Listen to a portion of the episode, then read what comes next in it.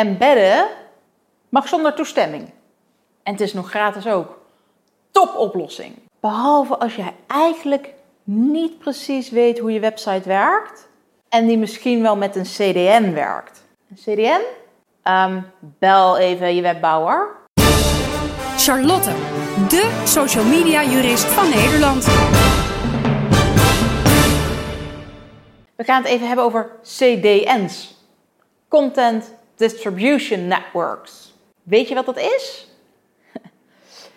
Heb je of je eigen website niet gebouwd, of je webbouwer heeft het niet uitgelegd, of je maakt gebruik van een systeem of van een hostingpartij bijvoorbeeld, die stiekem een CDN gebruikt, maar dat ook niet goed heeft uitgelegd. Wat het doet, is dat alles waar jij onder meer naar embed, maar ook bijvoorbeeld andere plaatjes die je zelf uploadt, worden apart weggezet, zodat ze sneller geladen kunnen worden als iemand weer op jouw website komt. Het probleem is alleen, jij wilde eigenlijk iets embedden, zodat het ergens anders bleef staan. Tja, blijkt jouw website opeens zo'n CDN te hebben.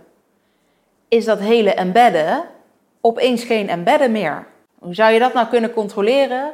Door als je iets embed hebt op je website, daar even op te klikken en in een nieuw venster te openen. En dan naar de URL te kijken boven in je browserbalk, in je adresbalk. Als je daar gewoon je normale website ziet staan, dan gaat het vaak wel goed. Maar zie je daar wat anders staan, soms staat er ook gewoon CDN in, dan weet je dat het dus niet op de gewone plek staat. Ga maar bijvoorbeeld naar zo'n website van een krant. En probeer daar dan eens even een afbeelding in een nieuw venster te openen.